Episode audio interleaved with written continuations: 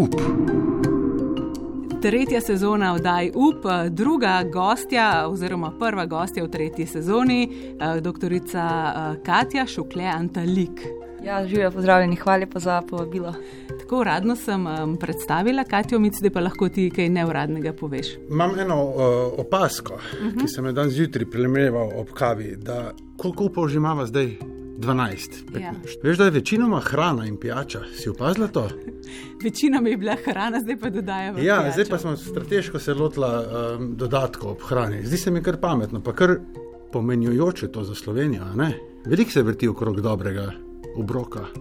Ja. Ja? Um, ne vem, ali smo samo mi dva tako pristranska, da tako izbereva, ali dejansko so Tud slovenska to. podjetja um, res Veš, zakaj? na tem Zato, ker se vedno pogovarjamo ob kosilu, koga bi imela naslednjega gosta. Lačna, pred kosilom in potem ja, takoj misli grejo na to. To je res, ja. sva pa imela tudi Kingsbox, recimo, tako da tudi telovati pa včasih. Tako. Ups. Um, Katja, um, uradna predstavitev, zato ker si tudi doktorica vinarstva, um, ampak počneš cel kup stvari. Um, zdaj, če nas lahko morda malce popelješ po tej svoji poti, um, iz Bele krajine si, potem si nekaj časa živela v Južni Afriki, v Avstraliji, zdaj si nazaj v Sloveniji in spet nazaj v Beli krajini, v mestu Ljubljani. Tako, nazaj k koreninam. Ne vem, zakaj tujina. Zaradi tega se mi zdi, da je fajn iti malce tujino. Ne vem, jaz vedno imela željo pač potovati, pa iti malce okoli. Se mi zdi fajn, ja, da greš, da si razširiš obzorja, da vidiš, kaj delajo druge.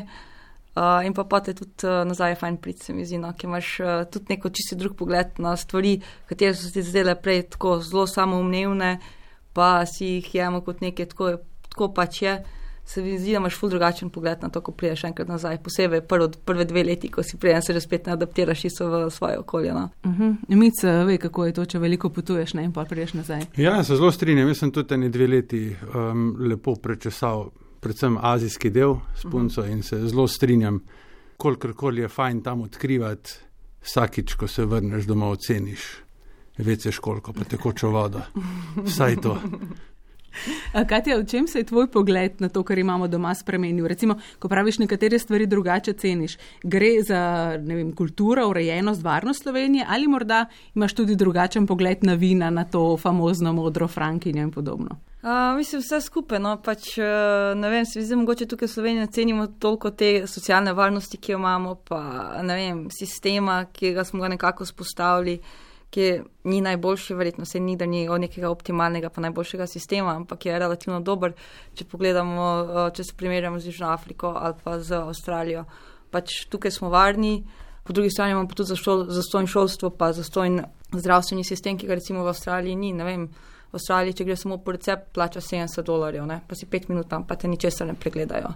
Pač tukaj pa greš lahko kadarkoli z zdravnikom, pa imaš vedno zastojno storitev se mi zdi, da to je neka taka dodana vrednost. Tu, če recimo v Avstraliji zaslužiš več, ne plačaš mm. šolnin tukaj, ne plačaš šolnin za osnovno šolo, za srednjo šolo, za fakulteto, ne plačaš 10 tisoč dolarjev. Ne. Pa še študentske bone imaš. Pa še študentske bone imaš in Kar študentske zabave in vse. Spet smo pri hrani. Uh, in pa ja, tudi drug pogled na vino, ne, v končni fazi, zato je pač to moja, uh, neka moja stroka ali pa neko moje področje zanimanja. In uh, ja, pa za zanimanje sem si ogledovala, kako imajo sisteme spostavljene drugot po svetu in pač primerjati z tem, kar imaš tukaj. In se mi zdi, da se bolj naučiš ceniti to, kar imaš uh, doma. No, in tudi da si kmet ali pa biti kmet, se mi zdi, da se naučiš uh, v svetu, da je to neki pač hvale vreden poklic, da ni neki tako, ah, ti pa nisi bil za nič drugega bolj sposoben, pa si kar kmet ostal, ne, pa si bil doma. Pač ne, se mi zdi, da moraš biti ponosen na to, da si pač ne vem, kmet ali pa ne vem, karkoli delaš drugega. No.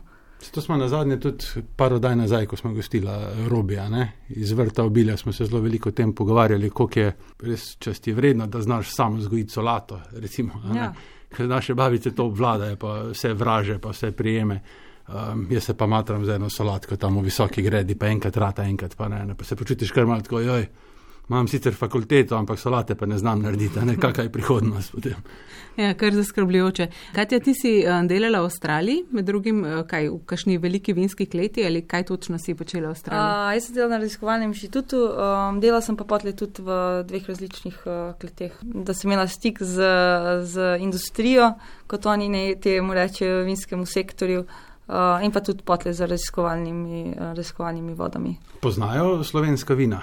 Jih cenijo? Mah, slovenskih vin je bolj, uh, bolj malo. No. Pač, uh, ne vem, saj jaz nisem nikjer videla v trgovini, kako slovensko videla. Bila je radenska, bila recimo slovenska, mm -hmm. okay. pa uh, krajinske klobase z testov Slovenija je bila recimo. Okay. Uh, vino pa niti ne, no. pač, ne vem, imajo svoje lokalna vina, novzelandskih vin relativno dost. Potle pa je tako kot posod po svetu, imaš pa tiste francoske šatoje, pa neke italijanske premium vina ki jih pa najdeš posod po svetu. Tam, kjer ljudje so pripravljeni dati to znanje za vino, pač imaš zmerno tako ponudbo nekih ekskluzivnih vin iz Evrope. Ne. Zdaj, ko si omenjala francoska vina, zdaj mi je čas, da napadava ne, še, še to področje, uh mhm. -huh. um, zasebni del. Um, uh mhm. -huh. Se pravi, spoznala si eh, svojega um, moža v Južni Afriki, ne, potem si živela v Avstraliji, potem pa si ga, čeprav iz Bordoja, pripeljala v Belo krajino.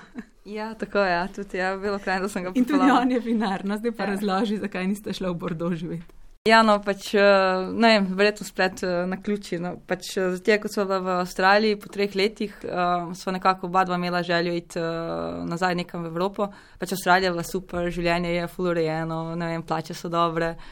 Super država za živeti, ampak je full deleč. No. Pa je pa tudi zelo drugačen način življenja. No. Jaz sem si Avstralijo zmeraj predstavljala, zelo evropski način življenja, je pa dejansko razen mogoče Melbourne zelo tak ameriški način življenja. No. In uh, oba dva so hotela iti nazaj v, uh, v Evropo. In nekako je bila prva priložnost, uh, tako se nam je ponudila v Sloveniji, da so oba dva dobila službo. Tudi želja je bila, da bi se nekako še v privatu ukvarjala z vinom, ne samo z raziskavami. In potem je prišel še moj brat z idejo, da bi imeli še vinski bar, in tako nekako se je to skupaj spletlo in sva šla v Slovenijo. Start up. Katja Šuklje Antalik eh, je naša gostja in zdaj lahko malce sistematično torej postavimo stvari. Raziskovalka in predavateljica na fakulteti, lastnica vinskega bara v Ljubljani in eh, lastnica turistične kmetije. Ne, to ni čisto turistična kmetija Vinska v Beli krajini, vinske kleti Vinske v Beli krajini. Kot pravi Mic, kje je fokus?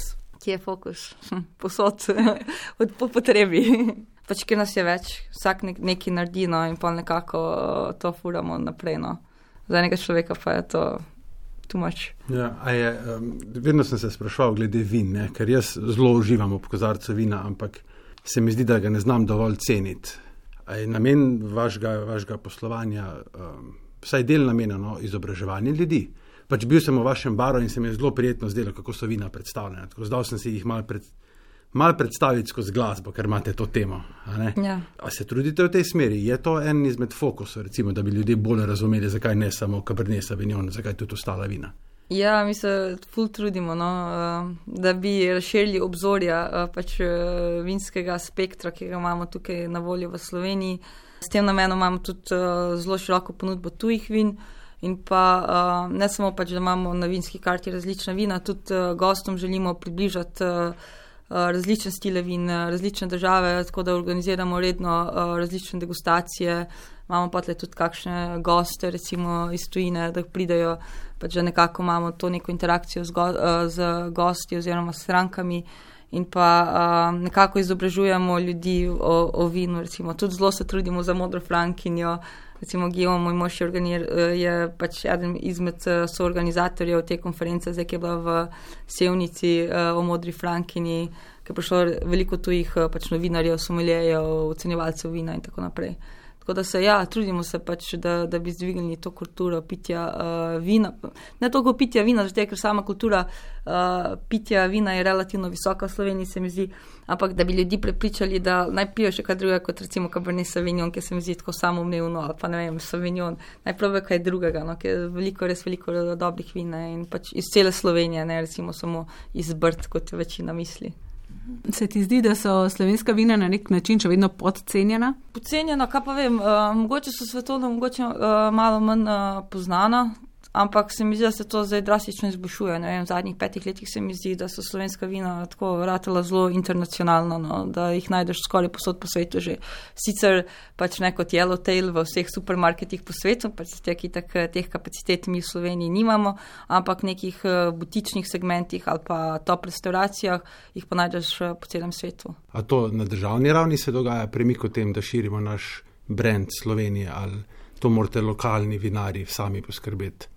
Mislim, tako na državni ravni, da bi država prav neki še promovirala slovenska vina, mislim, da tukaj, um, da tukaj smo pač slabše organizirani kot uh, večina drugih držav. Ne. Vsi imajo neke svoje borde ali pa neke skupščine, ki imajo tudi svoje finance, ki je recimo Avstrija zelo uspešna temu, uh mhm. -huh. ne, Nova Zelandija, vse, skoraj vse države, no, ki se resno ukvarjajo z vinarstvom ki dejansko promovirajo celotno državo. Tukaj v Sloveniji se mi zdi, je pač eh, bolj na vsakem posamezniku oziroma na uh, nekem skupku, skupku vinarjev, ki se zberijo skupaj in pa potlej nekako se skupaj promovirajo, bolj kot pa na neki državni ravni ali pa regionalni ravni, mogoče recimo kot primer v, v Brdih. Uh -huh. Uh -huh. Ja, Slovenija je vendarle tako velika v vinskem smislu, da da lahko potem vsaka regija sama, ne, šalo na stran. Ampak, ok, Brda so dober primer. Brda so dober primer tega nekega skupnega povezovanja, ko imajo na koncu vsi neko korist od tega. No.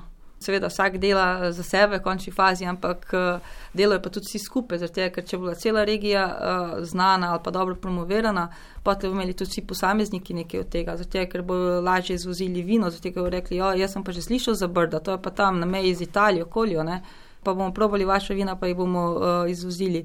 Pa tudi, ne vem, turistično gledano, ne, pač sej, kdo bi pa šel brda, če bi hotel pogledati samo eno klet zrtenega vinarja. Je pač predale, čisto belo krajino, kdo bi prišel v belo krajino samo zrtenega vinarja. Pač pride za te, ki imajo možnost iti obiskati več vinarjev, ne, ki imajo širšo ponudbo.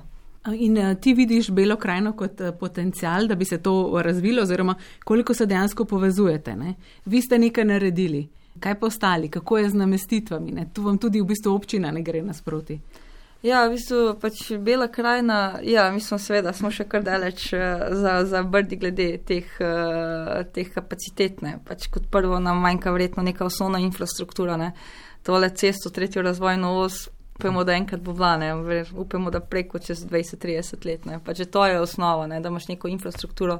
Recimo Vipavska dolina pred 20-30 leti, dokler ni bila zgrajena te uh, nova cesta čez Rebrnice, je bilo tudi uh, ekonomsko dosti bolj zade, kot je pa recimo dan današnji. Ne? Se pravi, pač sama osnovna infrastruktura naredi že veliko spremembo pač ne vem, rabimo neke nastanitvene kapacitete, ki so na nekem nivoju sodobnega vinskega ljubitelja, ki hoče uživati, eh, ki hoče imeti lepo, lepo namestitev, ki hoče imeti dobro hrano, uh, dobra vina. Se pravi, moramo narediti nek skupek vseh teh, uh, vseh teh dejavnosti, ki bodo zadostile nekemu standardu, da bomo privabili tudi vinske goste. Kako so se pa brda začele razvijati? Sprašujem, ali so domači turisti bili tisti, ko so naredili brda, ali so tujci? Kaj pa vem, po mojem, eno z drugim. Ne? Oni so imeli že tradicionalno dosti italijanskih gostov, sprva uh -huh. zato, ker, ker so bili cenejši kot pa uh, italijanski -huh. kolegi na drugi strani.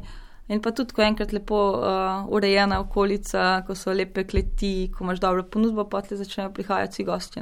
Ker res si predstavljam, v moji glavi tudi brda zvenijo privlačne kot bela krajina. Ja.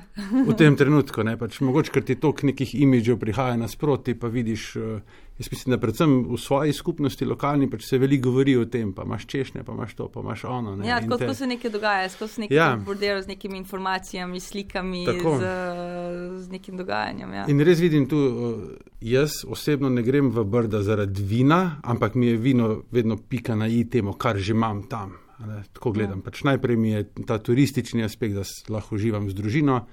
Pol želim pa še dobro jesti, pa piti. Ja, tako pa če skupaj mora biti. Na, vse ljudje imajo različne vzroke, zakaj grejo uh, nekam na dopustne, ampak uh, pač uh, lepa namestitev, dobra hrana, pa neke obstranske dejavnosti, katere pač lahko izvajaš, ko si tam na dopustu, uh, zagotovo pripomorejo k temu, da se odločiš za uh, eno regijo. Mislim, se je nekaj lepi namestitev, je že veliki kraj, recimo te glampingi, obkopi, pa uh -huh. take zadeve, zelo lepo. Ne? Sem pač mogoče bi tudi v tem vinorodnem delu bele krajine manjkajo kakšne take sodobne namestitve, tako kot vidiš tujini zraven, kaj ti kakšni lepi majhni bungalovi in podobno. Ne. Bazenčki. Bazenčki, tako je. Ja. Ampak kaj je tip, če vidiš eh, to kot eh, nek potencial, kot neko možnost in zato si se tudi vrnila ne, na nek način? Če ne bi si predstavljala, da je lahko Bela krajina v nekem trenutku bolj privlačna kot Brda ali pa Bordeaux, se najbrž da ne bi vrnila in posvetila toliko svojega časa in energije temu, kar počneš. Ja, mislim, po mojem Bela krajina ima res uh, zelo velik uh, potencial. No. Ja, kot prvo, zelo lepa, se cela Slovenija je zelo lepa, no. ampak uh, za tak nek bolj uh, butični turizem. Uh, se mi zdi, da je uh, Bela krajina pač odlična destinacija. Sem pač moramo to nekako se povezati, pa začeti uh, v tej smeri delovati. In pa tudi, ne, sem turistično gledal, tudi uh, zaradi samega vina, smo tudi zaradi tega smo se odločili, da, da gremo nazaj v Belo krajino, pa zaradi tega, ker se nam zdi, da ima velik potencial tudi v tem vinarskem segmentu. Kaj pa še poleg modre frankinje? kaj še poleg najprej modre frankinje, seveda. uh, ja, poleg modre frankinje, kaj še, uh, ne vem, še Dune, Sauvignon, uh, pač veliko sort, recimo Bela krajina je tudi uh, zelo znana uh, po predikatnih vinih, vinih uh, ledene trgatve, suhega jagodnega izbora, ki so pač na svetovnem nivoju po kakovosti. No. Pač mi osebno pač verjamemo v modro frankinjo, uh, pač da je naša prva sorta in pač da zelo dobro speva v, v beli krajini ampak so pa še druge sorte, tako kot uh, razne rebule v brdih, obstaja veliko sort, ki zelo dobro uspevajo. No. Ampak pač se mi zdi pomembno, je, da identificiraš eno, ki je najbolj pomembna, ali pa nekega paradnega konja, na katerem gradiš svoj imič, pa ga promoviraš. Zdaj, ker če boš promoviral eno stvar, bo pač ostale, bo se avtomatsko se bojo prodajale zraven te prve stvari, ki jo promoviraš. No. Ali pa ne vem jih boš nekako znal ponuditi. Um, ne moreš pa promovirati 15 stvari hkrati za eno mehko regijo. Ne. Up. Kaj ti, koliko časa dejansko preživiš v vinogradu? Vinogradu, ja, odvisno od sezone. zdaj, uh, v času rezi, pa uh, pač tega spomladi je zelo veliko, potli zdaj v trgači tudi zelo veliko. Zdaj tudi odvisno, koliko, z ostalih obveznosti. No. Jaz probujem biti čim več, ker mi je lepo biti v vinogradu. No letos je bolj tako, ko imaš majhne otroke, je težko uh, to nekako zbalansirati. Ampak tudi, ja, te, ki se mi je zelo, zelo pomembno, da si pač v vinogradu, da si prisoten in pa pač tiste najbolj pomembne stvari, kot recimo zimska res, uh, pa tle zdaj um, konc junija. Julija, ne vem, zmešavanje pridelka, da najdeš nek pravi pridelek, da dosežeš željeno kakovost grozdja. In pa potle v času trgatve, uh, pač moraš biti uh, tam prisoten. Ne. Je pa vinograd taka stvar, ko moraš biti dejansko skozi celo leto, mora biti nekdo prisoten notrne. Tako kot v baru, verjetno. Tako kot v baru, ja. Tako, ja Čigava pobuda pa je bila to, ste, ste prej omenili? Ja, po, za lokal je bila od mojega brata pobuda, od uh, Matijata. Ja. Pa sem jaz takrat, takrat smo še veseli, ko je rekel, joj, kaj ti le, če pridete nazaj, imamo tukaj ful dobro lokacijo, uh, če bi odprli vinski bar sem rekel, imamo ti, jaz ne vem, če bi za te, ker veš, vari je tako, kot če imaš otroka, to moraš biti skozi zraven. Kot študentka sem delala tudi lokalo in pač približno se mi je sanjalo, kako ta svet uh, funkcionira. Pa pa ja, ja, on je bil fulno dušen, da bi, pa pa moj mož, oni tudi bolj tako, njega fulvina zanimajo, pa on se zdi svojega vinskega.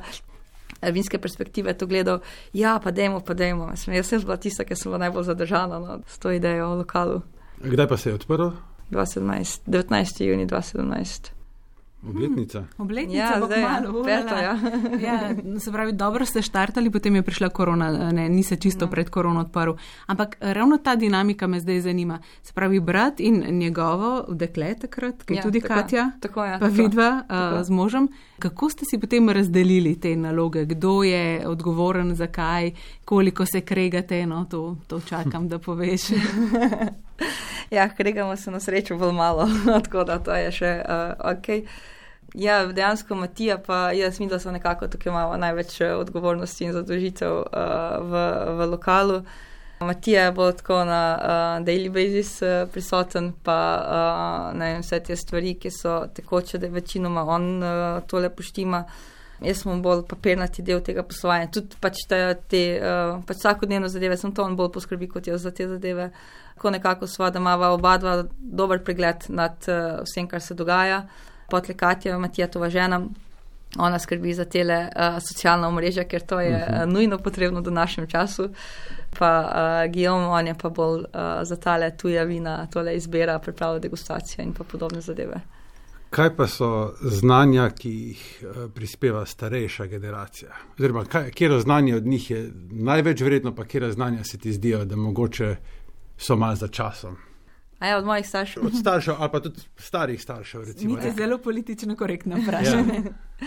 Najbolj pomembno je to, da um, pač neke delovne vrednote, pa neka moralne vrednote, nekaj takega, pač, kar so se nas starši naučili. Ne? Dejansko zato, ker brez delovnih vrednot ali pa brez nekih moralnih vrednot, sigurno ne bi uspeli v tem poslu, kjer, kjer smo. No? Mislim, nimate bližnic, ter to je treba obrezati. Ja, mislim, pobrati, niti, pač. niti glede vinskega bara, niti vinograda, pač tukaj bližnic ni. Pač, če hočeš, da stvar uspe, moš res delati. Pač vsak ve, ki se kdaj ukvarja z gostinstvom. Uh, ve, da gostinstvo ni enostaven posel, pač da moraš res veliko delati, če hočeš, da ti uspe, pa moraš biti res na vrhu vsake stvari, če hočeš, da si dober. Ne. Isto je z kmetijstvom, s katerim koli kmetijstvom, pač ogromno dela za relativno malo nagrade. Pa mogoče vinarstvo ali pa vinogradništvo je še tisti, tisti segment kmetijstva, ki je mogoče dobiš še največ nagrade nekako. Recimo, če delaš vino, imaš mogoče nekako še največ tega končnega stika z strankami, pa neki, eh, neki rečejo, ti si pa car, neki si naredil dobro vino. Ne? Za tistega, ki je predelal dobro pšenico, se nobene ve, kdo je naredil na pšenico ali pa mm. koruzo ali pa ne vem karkoli. Ne? Pa glede pač samega vinogradništva, pa tega kmetijstva, je še zmeraj moj oče, ki je, recimo, ki je zelo aktiven temu in uh, ne vem, naredi dosta stvari vsak dan, ogromno stvari poskrbi za ogromno stvari, da normalno tečejo in tako da je on še to zelo aktiven. Ampak, ko ta druga Katja objavlja videe na Instagram, ja. a se križa gospod, reče, o Marija, kam je šel ta svet, zdaj pa vi na tako instant promovirate ali, moj, ali sprejemajo to. Ja, pač jim ne, tako čudno je imelo. Ja, čudno jim je pač, kaj, ja, koliko je to pomemben uh, segment, oziroma ne, ne posveča toliko pozornosti temu segmentu, mislim, še meni je to čudno. No, vem, jaz, okay, jaz imam Facebook pa Instagram, ampak jaz nikoli nikdar ne objavim, sem tako malo mhm. pogledal, kaj, da vidim, da sem tako čem, kaj se dogaja. Sploh ne vem, kaj bi napisala, ali pa ne vem, kaj, kaj bi sploh objavila, kaj pa bo sploh tako pomembnega danes, da bi dal človek. Zdi, se ja. ti zdi, da to lahko razvrednoti vino? Imaš tako občutek, da če bi dal video na TikTok, po TikTok trendu, ki je zdaj popularen, se ti zdi, da bi razvrednotila to? Uh, sploh ne vem, kako TikTok deluje, izven načina. Vse je v redu, vse je v redu. Ja, po, po mojem, ja, pač ne vem, se mi zdi, glede na teh objav, pa to može biti tudi. Ja, ne moreš kar vsega objavljati. No, nek, se mi zdi, moraš imeti neko strategijo, pa mogoče nek nivo kakovosti objav, uh, kaj bi rad uh, dosegel z njimi. Zdaj, če ga objavljaš kar nekaj, po mojem, ne privlačiš jih publike, mogoče na katero ciljaš. Hmm. Pač vino je, mal, mal je umetnost, kot je ja. obrt, je tudi umetnost. Ja, tako je, je tako uh, imaginaren z realnim svetom, no, hmm. se mi zdi prvino. Ja, pa za polnoletna je, ne, ker TikTok ni nujno. Ja, ja. Katja, zdaj smo spoznali že eh, velik del družine in me zanima, če imate tudi um, kaj zelo formalno urejeno, kdo je za kaj zadolžen ali nekako um, deluje vse tako na, na dogovornem um, delu. Imate kakšno pogodbo, kaj kdo dela? Ne, nobeni pogodb nimamo. Vse je tako pač. Ne vem, nekako smo si v začetku razdelili te naloge, pač uh, glede na področje uh, znanja predhodnega, ki ga je kdo imel, in pa tudi na področje mogoče interesa ali pa kaj se nam je zdelo, kje bi bil nekdo boljši. No. Če pač nekdo nekaj ne zmore, mu drugi pomaga, pa naredi na mesto, na mesto njega in obratno. Ne. Tako da ni pa nekih, um, zdaj pa če ne bo nekdo ničesar naredil, stvar ne bo bila narejena, pač ne, jo pač nekdo drug naredi. No. Mhm. Dejansko delujete dobro, družinsko, ampak seveda zdaj ste že tako veliki, da imate tudi druge zaposlene. Ne? V baru zagotovo delajo, ne vem, koliko imate zaposlenih. A, imamo še zaposlenih. Še zaposlenih. Študenti pa ja. za, za pomoč. Izobraženi v vino, morajo iti skozi neko. Ja, v bistvu ja, tako je. Vsi zaposleni imajo uh, ta VSET 3. Kaj to pomeni? Uh, wine Spirit Education, uh, vse to trust ali nekaj takega. To si somelije ali nisi somelije? Ne, to, to ni somilijska izobrazba. To je okay. pač uh, iz, uh, tukaj v Sloveniji organizira ta predavanja in pa potlej um, izpite uh, gospod Robert uh, Gorjak, uh, Belvin. Vinska šola in uh, potlej tu je bolj izobraževanje o vinu, vinskih regijah, uh, stilih vina po svetu in tako dalje. Pač je bolj znanje v, okay. uh, o vinu. Uh, medtem ko so milije, je potlej tudi neki za strežbo in tako naprej. Ampak vsi imajo vse tri narejen pri nas, še zaposleni, uh, Simona, ona ima potlej tudi še to somilije stopnjo dve, mislim, da imajo narejeno. Tako da vsi so izobraženi v vinu. Študenti so pa pač, uh, oni so pa bolj za taka dela uh, v šanku, pa take zadeve. Oni ga pa veliko spijajo, pa iz tega vidika. ja, upam, da ne gre kaj dosti. to, to ni uh, del kvalifikacije. Dobro, ti pa imaš somilijski spit, ne? Ne, nimam nobenega somilijskega spita, ne. A, ok. Oh, wow. Nimam niti v svet narejenega nobenega. Ne, nimam, jaz pa gijom nimam noben nič narejene v teh. Uh, ampak, ker so toliko v stiku z vinom, pač z, svoje, pač z svojim poklicom že tako. Ja, nekako sem pa nisem nikoli spravila to delati. Ja, se, v bistvu, če si doktor vinogradništva, ne, potem mogoče ni nujno, da imaš vse te izpite. Um, ja, kaj pravi uh, Gijom, kako mu je všeč tukaj, oziroma kako on gleda na ta um, del vašega posla? Um, se mu zdi, da bi lahko šlo še na večje, da bi se lahko še bolj širili, ker se mi zdi, da nekako je za tujce včasih težko razumeti, o kakšnih številkah tu pri nas govorimo. Ja, pač v primerjavi s Francijo smo, uh, ne vem, vsaj površino vinogradov zelo mehni, uh, nasploh v Sloveniji. Uh, ampak uh, ne, pač. Uh, naš cilj ni, da bomo imeli zdaj vem, 50 hektarjev vinogradov ali, ali pa kaj podobnega. Pač mi hočemo biti tam nekje do 10 hektarjev, to, kar družinsko zmoremo, pa se bolj osredotočiti na kakovost, kot pa na neko uh, kvantiteto. Tudi uh, v našem primeru ni mogoče toliko dostopnih lokacij, ki bi, neke, ki bi imele velik potencial kakovostni, uh, da bi vem, prišli na 50 ali pa 100 hektarjev. No. Kaj pa še kakšen bar? Zaenkrat ne. Zaenkrat. Je en dovolj. Zaenkrat je en dovolj. Ja. Pa, zdaj imamo vsi, uh, pač tudi brat ima mehne otroke, uh, mislim, enega fantka, mi dva imamo dva mehna otroka. Uh, vem, hišo gradimo, tako da zaenkrat je toliko teh projektov, da je zaenkrat je dovolj vsega. In kako se ti zamenja potem perspektiva um, z otroki? Ja, mogoče pač določene stvari ne narediš, ki si jih včasih naredil, pač si mogoče malce drugače organiziraš delo, narediš pa več stvari potle po 8-9 uri, ko grejo spat ali pa zgodaj zjutraj, ko še spijo.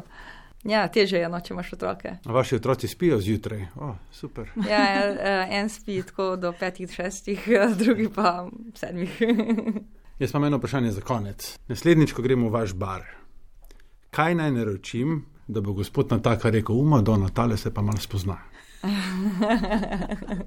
ja, klasičen odgovor bi bil, vsi vinoljubci pijajo renski rizling, pa modri pinone. Aha, okay. Kaj pa, če bi hotel malo hotli... modre frankinje, pameten izpast? Če bi pa hoteli izstopati, pa, pa lahko rečete, ja, dajte mi eno dobro modro frankinjo, tam iz Gradiščanske, recimo. Uh, ja, tako specifično. Ali pa kak uh, Gruner Vetlinar iz Avstrije tako zadevo. Ja, tam mi je bil všeč, tole bom, tega jokerja. Um, Katja, hvala za obisk. Um, samo zdaj, da, da končamo še s tem, uh, da si uh, doktorica vinogradništva. Ne? Abiotični stres, to je ena od tvojih tem raziskovanja. Ja, Kaj pa stres pri tebi? Ja. Imáš kakšen poseben um, pristop, kako se s tem soočaš? Ja, uh, najboljši način se mi zdi za sproščanje stresa, vsaj za me, je uh, tek. To se mi zdi uh, tistih 30 minut, ko imaš, uh, da premleješ zadeve, pa daš to frustracijo ven. Se mi zdi, da to je najbolj učinkovit uh, sistem sproščanja. No. Sicer zdaj imamo malce na čakanju zaradi uh, otroka in vseh ostalih zadev, ampak. Uh, ob 4 zjutraj. Ob 4 zjutraj. Ja. Ob 4 zjutraj. Pa ob 10 zvečer. ja, se drugače ni časa, wow. Ja. Se mi zdi tako, ja. se mi zdi naravo iti pa dati frustracijo v najboljše. Torej, tek, ne dober tek. Mi dva smo pa vse te upe zastavili nekako kot dober tek. Um, hvala, Katja, za obisk in uspešno delo še naprej, pa pozdravi seveda celotno ekipo, celotno družino. Ja, hvala pa za povabilo uh, in ja, hvala za pozdrave. Mic pa že naroča tistega ostrica. Ja, palačen tudi, kot vedno. Start up.